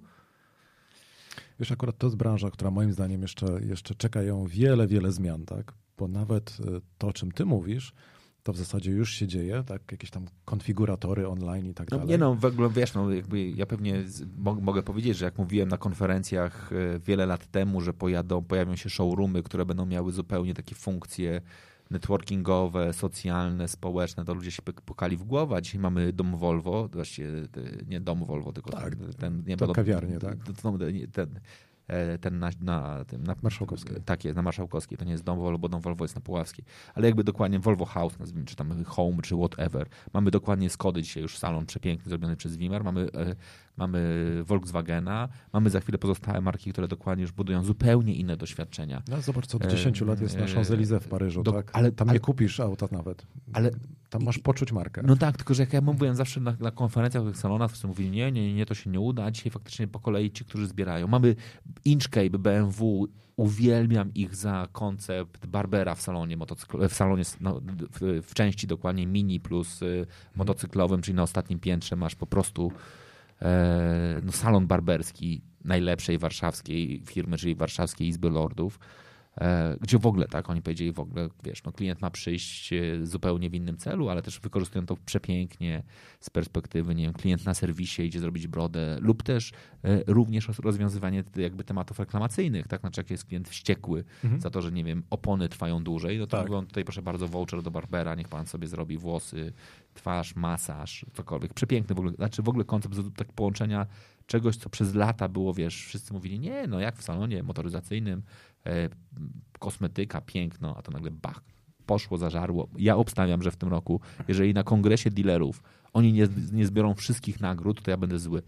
E, nie dlatego, że ich uwielbiam te dwie marki, ale dlatego, że faktycznie jakby koncept jest bardzo fajny. Ale i to jest w ogóle pewnie wiele rzeczy, które się pojawiają na punktach styku z mm, klientem. Więc faktycznie mam takie, wiesz, mam, mam takie absolutne absolutną potrzebę dostania w pysk. Znaczy, że jutro tam przyjdę, będę się wymądrzał i ktoś mi powie, nie, to my, myśmy to zrobili, mamy inną wiedzę, podzielimy się nowym know-how, albo ktoś powie, wow, fajne, pogadajmy o tym więcej. Czyli skon- skonfrontuje się no i zapylę się intelektualnie, że tak powiem, od innych, bardzo mądrych, często mądrzejszych, nawet często w większości mądrzejszych ode mnie ludzi. A drugie, faktycznie mam takie oczekiwanie, zobaczcie, jak wy to robicie. Znaczy naprawdę mnie, mnie, to, mnie to kusi w takim sensie, bo mam takie okay. trochę, to, trochę głębokie przekonanie, że robicie to dobrze, a ja lubię patrzeć, jak ludzie robią to rzeczy dobrze, bo w końcu najlepsi robią zwykłe rzeczy lepiej. Skąd był pomysł? Znaczy, to jest w ogóle ciekawe. Jak wyście, jak wyście sobie wpadli na, na, ten pomysł? Bo ja wiesz, ja uwielbiam, jak ludzie przychodzą i mówią, Wojtek, jak na to wpadliśmy, ty nam powiedziałeś. Ale u was ja wam tego nie powiedziałem. Nie lubię tego, ale to nie ja wam powiedziałem. Jak wyście na to wpadli? Przepraszam. E, wiesz co, wpadliśmy po pierwsze na Okej, okay, była potrzeba. Chcemy mhm. coś zrobić takiego angażującego, gdzie, gdzie, gdzie po prostu z tymi klientami będziemy mogli być, to zabrzmi teraz fatalnie takim językiem korporacyjnym, ale w jakiejś tam interakcji. Tak? Czyli nie, nie myśleliśmy nawet o tym, że. No to trzeba było ich nakłady zabrać. Z jakiejś, e, tak, właśnie, na jakiejś marketingu treści, że tam coś uzyskamy z tego, tak, tylko po prostu chcieliśmy e, coś zrobić dla nich. No i teraz była długa jeszcze o okładach też pogadamy, bo to, to przewinęło się. Była długa lista rzeczy, które nie zadziałają, tak? E, w poprzedniej, e, albo nie działają. W poprzedniej, e, u mojego poprzedniego pracodawcy prowadziłem takie warsztaty, które były fizycznie w jednym miejscu. Mhm. Tak, no i teraz y, mówiłeś o czasie, tak? Ściągnąć ludzi w jedno miejsce jest coraz trudniej. Aha. Poza tym ja jakby tak przeanalizowałem ten problem i tam odbiorcą był trochę nie ten level, który po prostu tobie może przyspieszyć e, sprzedaż. Mhm. On był bardzo spójny, bo on też dotyczył trochę innych problemów, ale jakby, jakby jeszcze szczególnie zainspirowany po twoich szkoleniach, to ja mówię, dobra, my musimy trafić tam. No to cholera, z czym trafić do tej osoby, tak? E, możesz napisać oczywiście list, tam gratuluję osiągnięcia sukcesu w kolejnym konkursie, ale nie ma tylu konkursów, żebyś, wiesz, e, zrobił to e, tak, tak skutecznie. Nie, czekaj, czekaj, czekaj. Nie wolno deprecjonować tego listu, szczególnie, że akurat wy macie przykład, że pierwszy list wysłany przez dziewczynę spowodował od razu pozyskaniem klienta. Absolutnie List zgoda. do Vito dalej działa i dalej pozwala faktycznie jakby docierać do kluczowego decydenta. Ja tylko powiedziałem, że nie jestem w stanie tylu, wiesz, tak. konkursów tak. znaleźć. To nie? prawda. Um, Dobra, idziemy dalej. E, pojawiły się śniadania biznesowe, tak? Byliśmy, byliśmy, byliśmy na kilku e, i zobaczyliśmy, że one są utopione przez e, raczej prędzej niż później wchodzącą prezentację produktową. Mało tego, zawsze będę mówił, śniadania biznesowe charakteryzują się tym, że tam jest więcej łowców niż e, zwierzyny. Znaczy wcześniej czy później wszyscy uznają, że to, że to już jest ten moment, że my możemy sobie nawzajem sprzedawać. Tak, tak, tak. Wiesz co, e, do, dokładnie. To jest też taka przypadłość w ogóle konferencji branżowych, tak? kiedy, kiedy staraliśmy, e, kiedy, kiedy z czymś chcieliśmy wystąpić na przykład, nie wiem, żeby dotrzeć do odpowiednich osób, nie wiem, jakaś konferencja logistyczna.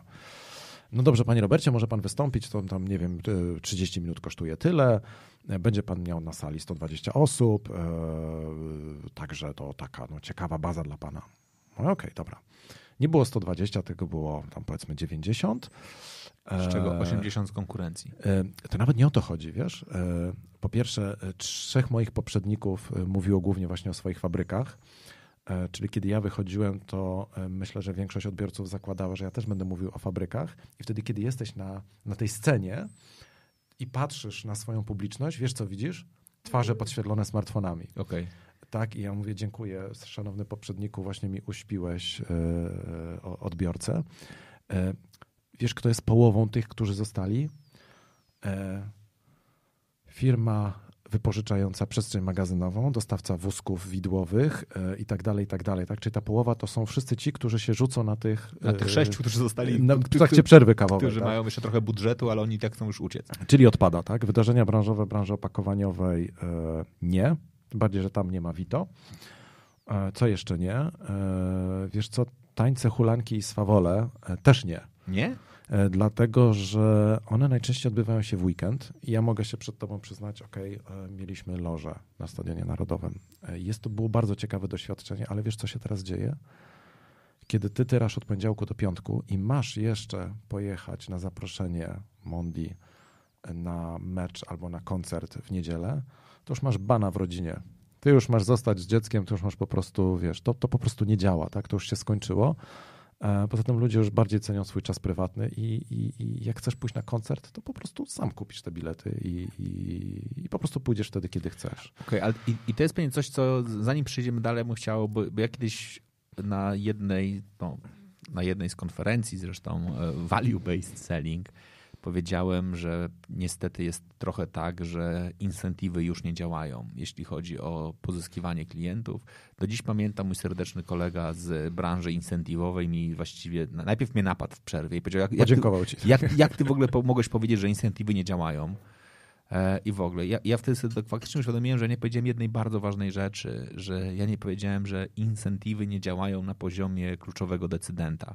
Znaczy, że jak chcemy zabrać prezesa e, naszej potencjalnej, znaczy potencjalnego klienta, klienta. który jest często korporacją na incentive, to albo nie mamy takiego budżetu, żeby go zabrać Dokładnie. w takie miejsce, którego, którego jeszcze jakby urzeknie i zainteresuje, albo mówiąc wprost, wiedzie nam natychmiast CBA, bo już jakby wartość tego, tego, tego, tego eventu jest taka, albo faktycznie on nie znajdzie nie, jakby on po prostu nie znajdzie zasobu pod tytułem czas, bo on, nawet jeżeli to jest fantastyczny wyjazd, on tam z największą radością pojedzie za własną kasę, którą najczęściej ma. I te czasy, kiedy jakby korzystanie z pieniędzy dostawców do tego, żeby sobie fajnie podróżować, mówiąc często, już, już, już minęły. I to oczywiście, żebyśmy też mieli jasność, to nie znaczy, że wyjazdy incentywowe się skończyły, bo ja dalej uważam, że z perspektywy nie motywacyjnej, na przykład dla pracowników liniowych, tak, czy są to handlowcy, czy są to faktycznie pracownicy liniowi, no to często no to jest poza ich zasięgiem. Znaczy to, że oni faktycznie pojadą sobie, nie wiem, zwiedzać przez, 20, przez 12 dni Stany Zjednoczone, przy, przez 17 dni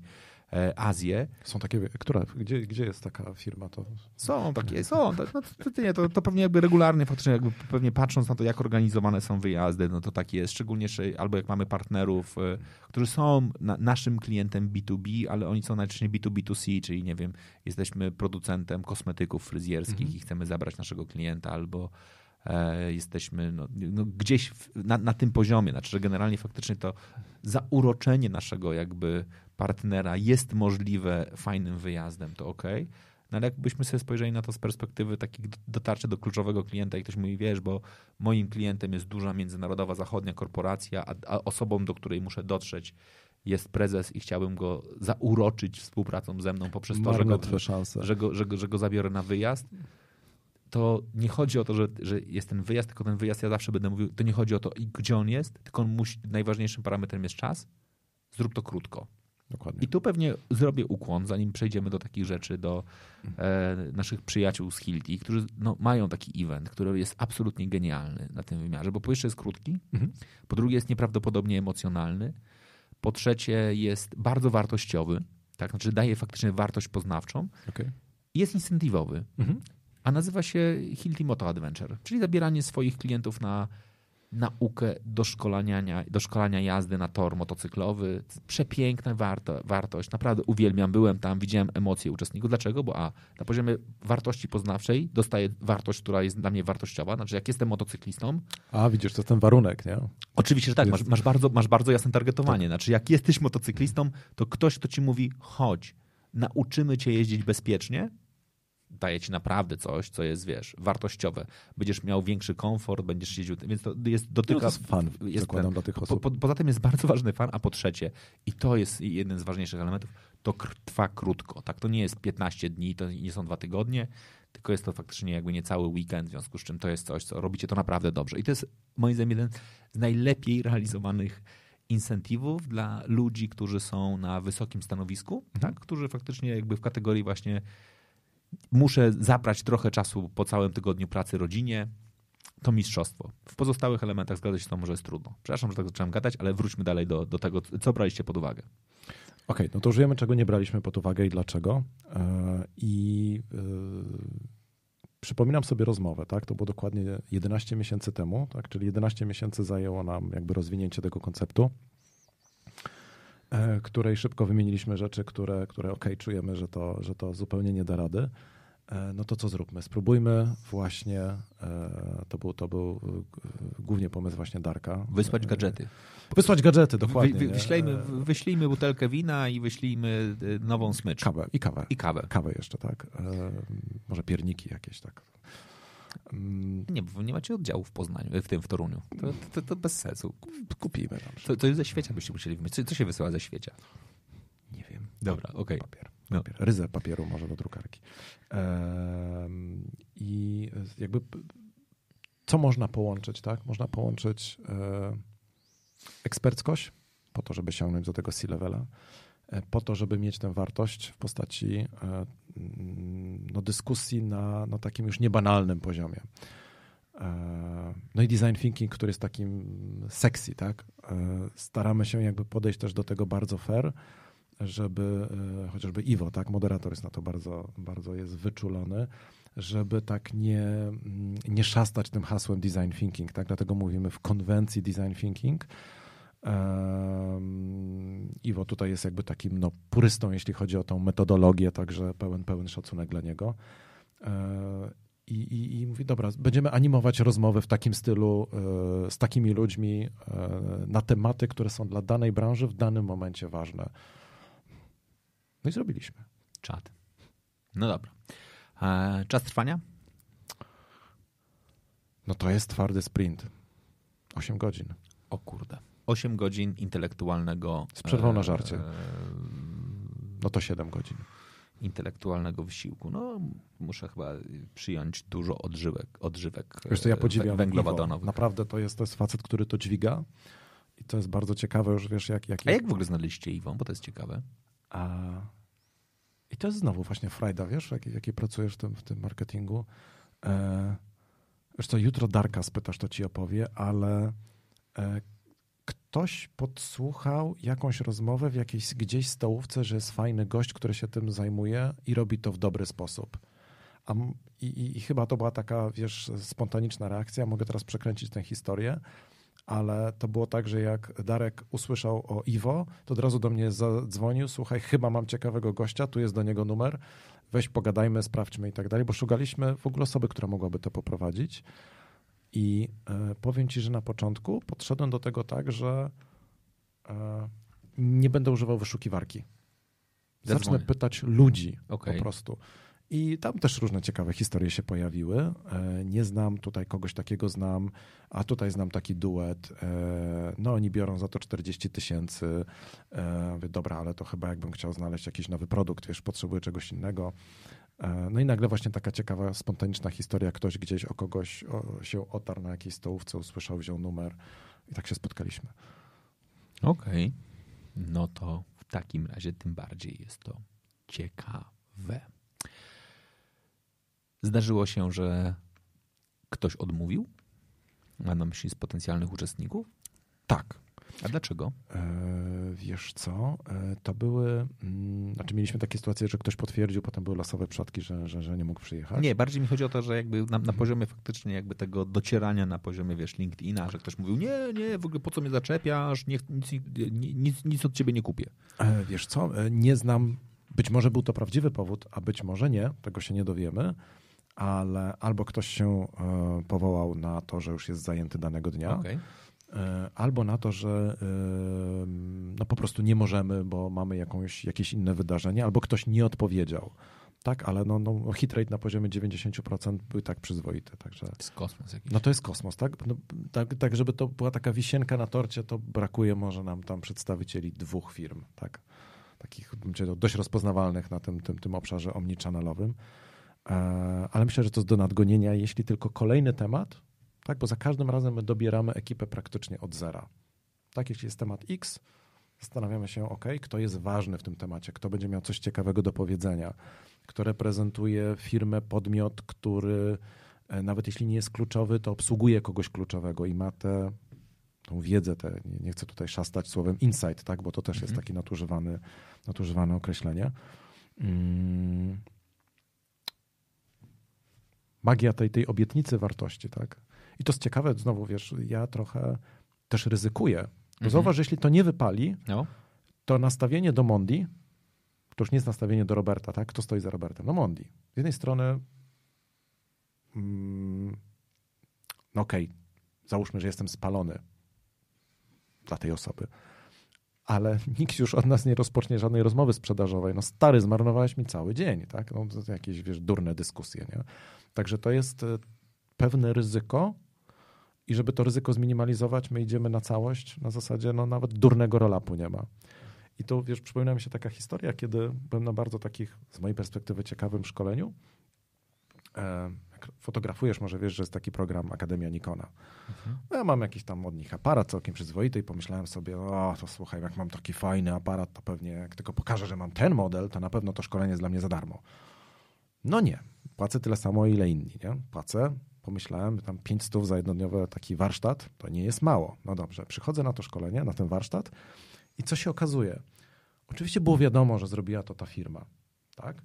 E, oczywiście, że w koncie był roll-up. Oczywiście, że w drugim koncie mogłeś zobaczyć całe portfolio produktów tejże firmy, co było też fajne, bo jeśli akurat używałeś tego aparatu, mogłeś przymierzyć inną lufę, a, tam lampę błyskową i tak dalej.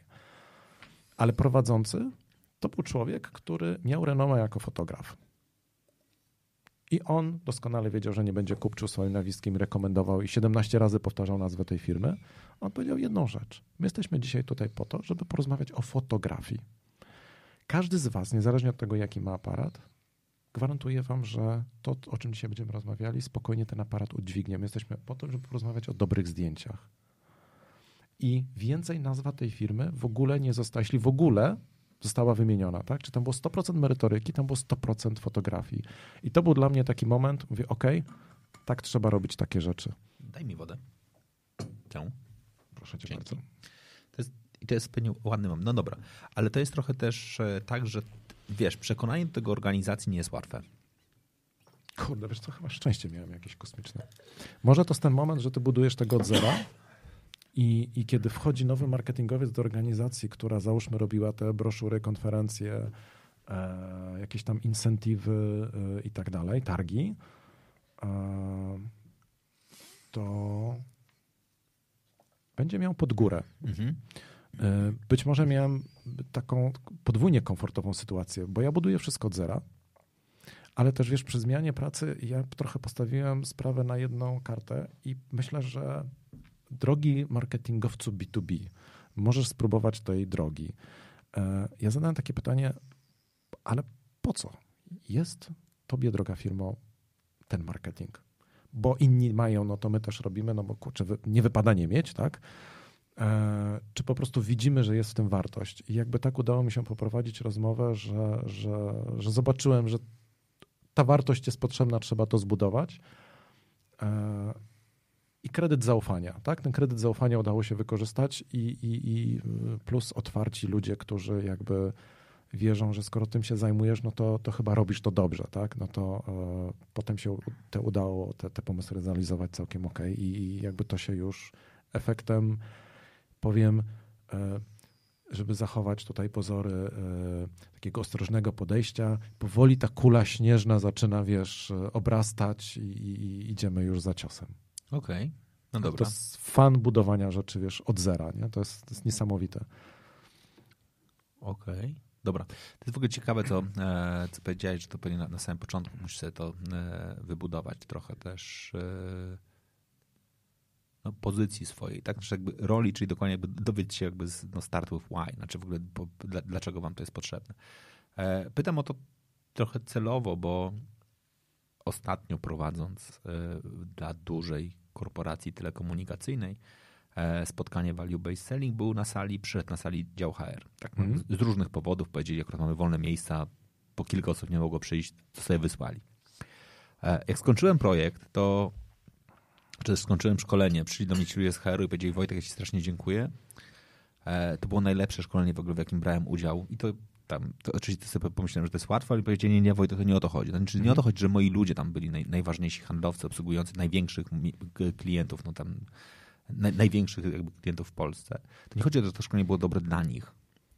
To było szkolenie dobre dla mnie. Znaczy ja okay. jako HR w ogóle odkryłem jedną bardzo ważną rzecz. To jest główne szkolenie z perspektywy tego, ja wiem jak wewnątrz firmy mojej sprzedawać projekty. Znaczy ja mam takie przekonanie, że najwięcej okay. pro projektów wewnętrznych nie przechodzi, tylko z jednego powodu, że ten project owner nie jest w stanie go sprzedać wewnętrznie. Tak? Znaczy, że pojawia się gość z marketingu, który mówił, o to jest super fajnie, po czym nagle się okazuje, ty czekaj, ale ja muszę sprzedać to prezesowi, muszę Dokładnie. sprzedać to dyrektorowi finansowemu, muszę to sprzedać działowi sprzedaży. Tak? Znaczy nagle muszę pójść do działu sprzedaży i powiedzieć, stary, e, słuchaj dyrektorze działu sprzedaży, jestem tutaj twoim kolegą z działu marketingu i mam taki pomysł, że bym chciał trochę inaczej zacząć mhm. realizować swoją rolę. Znaczy to strasznie fajnie, że ty oczekujesz, żebym ja tutaj przygotował jeszcze dodatkowe 16 tysięcy paczek z gadżetami i to jest w ogóle cudownie, że tak robisz do tej pory, a ja mam inny koncept. W którym momencie twoim zdaniem jakby to jest element umiejętnościowy, tak? czyli że umiesz to zrobić, a w którym momencie to jest taki moment postawy, to ten dobra, czekaj. Znaczy nie mogę iść dalej w tym kierunku, który jest do tej pory, chcę, chcę coś zmienić z twojej perspektywy. Znaczy to, to, to, że tobie to pomogło, to jest dlatego, że miałeś takie mocne przekonanie, chcę to zrobić inaczej, dlatego, że umiałeś to zrobić inaczej. To jest pytanie, zagmartwałem. E, dobra. Mm, to tak, może idąc od końca, jest na pewno jakiś tam element szczęścia, tak? Bo kiedy ja patrzyłem na to, co zrobiłem, to się, to się zastanowiłem, czy udało mi się faktycznie wprowadzić e, taką zmianę względem tego, jak to kiedyś robiłem i załóżmy się nie udawało, a co teraz takiego się stało, że ok, to się wszystko udało. Tak? No, no zmienił się odbiorca tych mhm. komunikatów, tak? bo, bo jakby w Mondi pracuje od, od, od ponad roku. E, szczęście, dobrze. Otwartość, ale mm, ja powiedziałem chyba z dużą taką pewnością siebie, mam nadzieję, że to nie graniczyło, wiesz, z jakąś arogancją, że wiem, co nie zadziała. A myślę, że zadziała to. Okay. Tak? I, i, i y, tu jest jakby jakaś tam. To też jest to, co powiedziałem na początku, co, co jest ciekawego, inspirującego, pociągającego w tym marketingu B2B. Naprawdę jesteś sam na scenie. Stary, to ty dowozisz, tak? Ty jesteś przed prezesem, ty jesteś przed zarządem. E, Łukasz też w swojej książce o tym wspomina, tak? że, że po części e, jesteśmy sami sobie winni, marketerzy e, w, tym, w, tym, w tej, tej branży B2B, tam gdzie jesteśmy, bo po prostu nie rozmawiamy językiem zarządu, tak? Czyli rozmawiamy jakimiś tam lajkami albo fajnie byłoby zrobić. No, hmm, so what, nie? No, pewnie byłoby fajnie. Łukasz o tym, o, tym, o tym chyba ma cały rozdział w swojej książce. E, jak to wszystko połączyłem, chyba postawiłem na takie, wiesz, przekonanie, że to trzeba zrobić, bo to nie zadziała, a na szczęście szanowna konkurencja jeszcze jest tam, a część szanownej konkurencji w ogóle nigdzie nie jest, tak? I now is the fucking time. I to jest dobry moment na to, żeby poprosić Was o kilka dodatkowych pytań, które jeżeli chcecie, moglibyście w tej chwili e, zadać. Bo jeżeli ich nie zadacie, to nie utrzymacie odpowiedzi, a formuła AMA, czyli Ask Me Anything, a w tym momencie dokładnie e, zadaj e, Ask Robert Anything jest taka, że nie warto zmarnować tej sytuacji. W ogóle nie wiem, czy wiecie, że to jest 97 odcinek. E, zbliżamy się do setki. E, jak znam siebie, to oczywiście zapomnę świętować setkę, no ale to, to na pewno się wydarzy, w związku z czym e, nie będziemy jakoś bardzo mocno napinać się, kiedy jest e, setny, bo w końcu od 97 do setnego wcale nie jest tak łatwo to policzyć. Czy ty dzisiaj, w ogóle jak patrzysz na siebie, postrzegasz siebie jako część, część działu sprzedaży, czy jednakże gdzieś tam jesteś osobno? Ty, do kogo ty raportujesz w ogóle właśnie?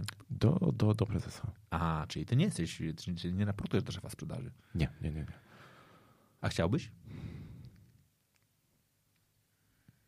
Znaczy nie mówię o zależności jakby, wiesz, góra-dół, tylko jakby, czy, czy, czy chciałbyś być postrzegany jakby, że jesteś w tym samym budżecie na przykład? Wiesz co, bycie jakby częścią budżetu chyba by mi nie przeszkadzało. Tak jakby, y, trudno mi jakby, wiesz, na to odpowiedzieć, y, bo... Mm, czy to się da pogodzić? Tak, bo trochę, trochę są inne cele, tak? Marketing buduje też markę przy okazji, a to jest proces bardzo długi. No? To jest w ogóle ciekawe, no bo część zarządu chce teraz już wyników. No, no marki się nie buduje w ciągu miesiąca, kwartału ani roku. Mm. I tutaj jakby rozdzielenie tego może być w ogóle dobre dla, dla jakości tego całego procesu. Ale z drugiej strony, jak, jak czasem zajrzysz do jakiejś tam teorii marketingowej, to się mówi o tym, że to i tak będzie jeden dział, tak? Mhm. który ma myśleć znaczy naczelną wartością, naczelnym mm, wskaźnikiem, z którego marketing w B2B jest w szczególności rozliczany, to jest po prostu lead albo po prostu sprzedaż. Tak? Tam nie ma żadnego pitolenia. To jest stopień tego, w jakim się przyczyniłeś do tego, żeby sprzedaż wzrosła, tak? albo pozyskania konkretnych klientów, określonej liczby klientów i tak dalej. E, I to będzie się prawdopodobnie znaczy, ja nie wyobrażam sobie robienia marketingu inaczej niż z bardzo ścisłą współpracą ze sprzedażą, tak? I teraz pracujemy na tej zasadzie, że jak nie dzwonimy do siebie, to się potem każdy z nas, wiesz, z Tyberiuszem zastanawia, czy coś się stało, nie? Bo jesteśmy praktycznie na, na, na stałych łączach. E, I to jest taka mieszanka, że marketing ma narzędzia, ma możliwości, bo ma na przykład też czas na to, żeby tworzyć te treści, tak? Sprzedaż jednak biega za klientem. A co przynosi sprzedaż? No sprzedaż przynosi informacje o kliencie, o tym, e, gdzie on jest, co on robi, e, z czego korzysta i tak dalej. To są informacje, które oczywiście też po nie sięgam, spotykając się z klientami. To jest w ogóle fantastyczne. Kiedyś się spotkałem z jednym kupcem, który powiedział, no ale jeśli ty chcesz nas zrozumieć, to przyjedź na nasze konferencje przyjdź ze mną na konferencję. I to jest świetne, jak rozmawiasz z kupcem bezpośrednio, bo nagle się okazuje, że ty zmieniasz swój warsztat całkowicie, jak porozmawiasz z taką osobą. Nie? Ten marketingowiec B2C jakby, jakby tego nie do, końca, nie do końca ma takie możliwości. Także to i tak się będzie łączyło. Więc yy, jak skoro mamy pracować w takiej symbiozie, to i tak będziemy my razem, albo jako ten dział cały, który pewnie się tam będzie nazywał smarketing, jakkolwiek, będzie raportował do, do naczelnego. Ja akurat e, kiedyś nawet e, mam takie, znaczy kiedyś, kiedyś wystąpiłem z takim wykładem, który trochę miał taki, takie zagajenie, gdzie poprosiłem uczestników dla działów sprzedaży i marketingu, żeby zamknęli oczy i policzyli liczebność w swoich działach, czyli żeby policzyli, ile mają w tej chwili działów osób w dziale sprzedaży, ile mają osób w dziale marketingu. I tak postawiłem taki challenge intelektualny, wyzwanie intelektualne. Wyobraźcie sobie, że mniej więcej za 5 lat te proporcje się odwrócą, czyli że w waszej organizacji będzie tyle osób odpowiedzialnych za marketing, co w tej chwili jest w sprzedaży. I w sprzedaży będzie tyle osób, które, e, które dzisiaj jest mhm. tych, którzy odpowiadają za marketing, czyli się odwrócimy rolami. I wszyscy powiedzieli, że to jest niemożliwe. Jak, jak zszedłem do tego, to porozmawiajmy nie o miejscu, gdzie będą zatrudnieni, tylko o rolach, które będą realizowali. Tak czyli ile będzie tego biegania faktycznie za klientem, tego aktywnego pozyskiwania, czy też cały external dział, czy też w ogóle, w ogóle nie wiem, hunting i tak dalej. Mhm. Hunting w ogóle będzie zupełnie inaczej wyglądał i tak dalej. A ile będzie działań ukierunkowanych na wygenerowanie zaangażowania inboundu całego, jest, może powiem coś po polsku, jak, jak, jak jest po polsku? Inbound, ruch przychodzący. Ruch przychodzący. Ruch tak. przychodzący. E, no to to się trochę pozmienia i myślę sobie, że w E, Im bardziej specjalistyczne e, działania, im mniejsza liczba potencjalnych klientów na rynku. Tak? No ja mam nie wiem, przyjaciela, który pracuje w firmie, która, który sprzedaje piece hutnicze. Ja bardzo lubię z nim rozmawiać o segmentacji i targetowaniu rynku. E, Ile ma segmentów? Wiesz co, ja, ja, Jeden? To jest w ogóle cudowne, bo on, się, bo, bo on przeniósł się do, tej, do tego biznesu z FMCG. To jest w ogóle niesamowity facet, był key i to takim national key w FMCG, czyli sprzedawał, miał do tej, wcześniej miał taką historię, kiedy jego targety były liczone w wagonach, znaczy musiał popychać jakby swoje tak. produkty w wagonach do e, jeszcze do, do, do, do, sieci nowoczesnej, więc w ogóle jakby super fajnie i nagle właśnie przyszedł do, do, do, do e, sprzedając e, piece hutnicze na pół Europy. Ja go zadałem pytanie, powiedz, powiedz, mi, jaki masz target? On tak się uśmiechnął, jeden.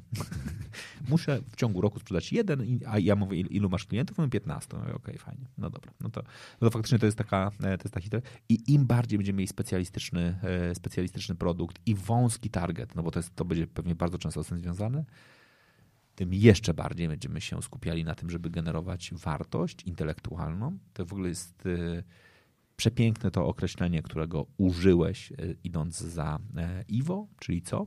Zysk poznawczy. Zysk poznawczy. Przepiękne. Czy w ogóle jakby za każdym razem, ja myślę, że w ogóle powinniśmy chyba trochę podsumowując tę audycję, powiedzieć sobie, że przy każdym jednym działaniu, które jest ukierunkowane na zaangażowanie czasu klienta, czyli gdy chcemy mhm. zadzwonić do niego i mu zmarnować 5, 10, 15, 20 minut, e, napisać artykuł, który sprawi, że on go albo przerwie w połowie, albo doczyta do końca, zaprosić go na wydarzenie. Chyba powinniśmy sobie stawiać takie pytanie, ok, biorąc pod uwagę, że jakby wartością jedną z ważniejszych w B2B jest rozwój klientów, to jaki on będzie miał z tego zysk poznawczy? To fajne. Skoro nie ma pytań, to myślę sobie, że to jest dobry moment na to, żeby podziękować. E, bardzo Ci dziękuję. Super. E, Cała przyjemność. Jak napisałem do człowieka z Łomianek, który kupił kurtkę ee, na Wośp, e, płacąc za nią 900 i spytałem go, jak mu ją wysłać, on powiedział w dowolny sposób, żeby dotarła. Oczywiście wiem, że muszę ją wysłać impostem, bo to jest oczywiste dla moich e, wszystkich e, e, zna krewnych, znajomych i przyjaciół z tej organizacji. Tak, wyślę ją na pewno tym. Pytanie, w co powinienem opakować? Solidne, estetyczne, mm, budujące doświadczenie konsumenta, opakowanie tekturowe Dobra, no i to w takim razie ja normalnie go zawiozę osobiście. Dobra, czekaj, jest, jest pytanie jeszcze zanim skończymy. Jaki wpływ i praktyczne pomysły e, działu sprzedaży ma na podejmowane decyzje przez market? Czekaj, jaki wpływ i praktyczne, czekaj, dobra, jaki wpływ ma na podejmowanie decyzji przez marketing, ale co, praktyczne metody, pomysły działu sprzedaży?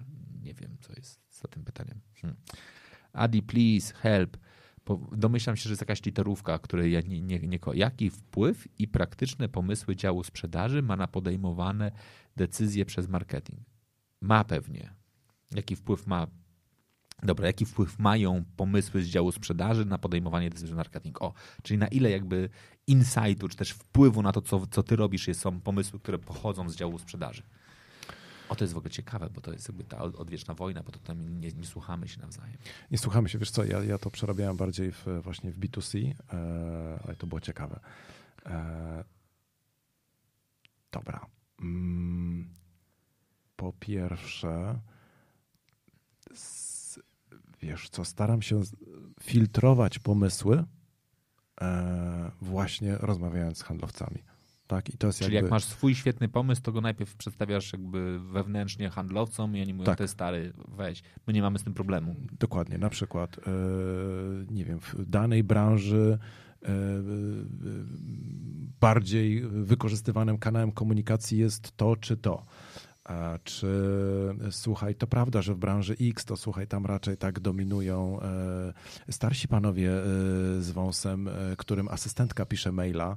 W związku z tym dotarcie kanałem cyfrowym jakiegoś nowoczesnego marketingu, to mimo tego, co mówimy we wszystkich książkach i publikacjach, to akurat tę branżę musimy potraktować inaczej.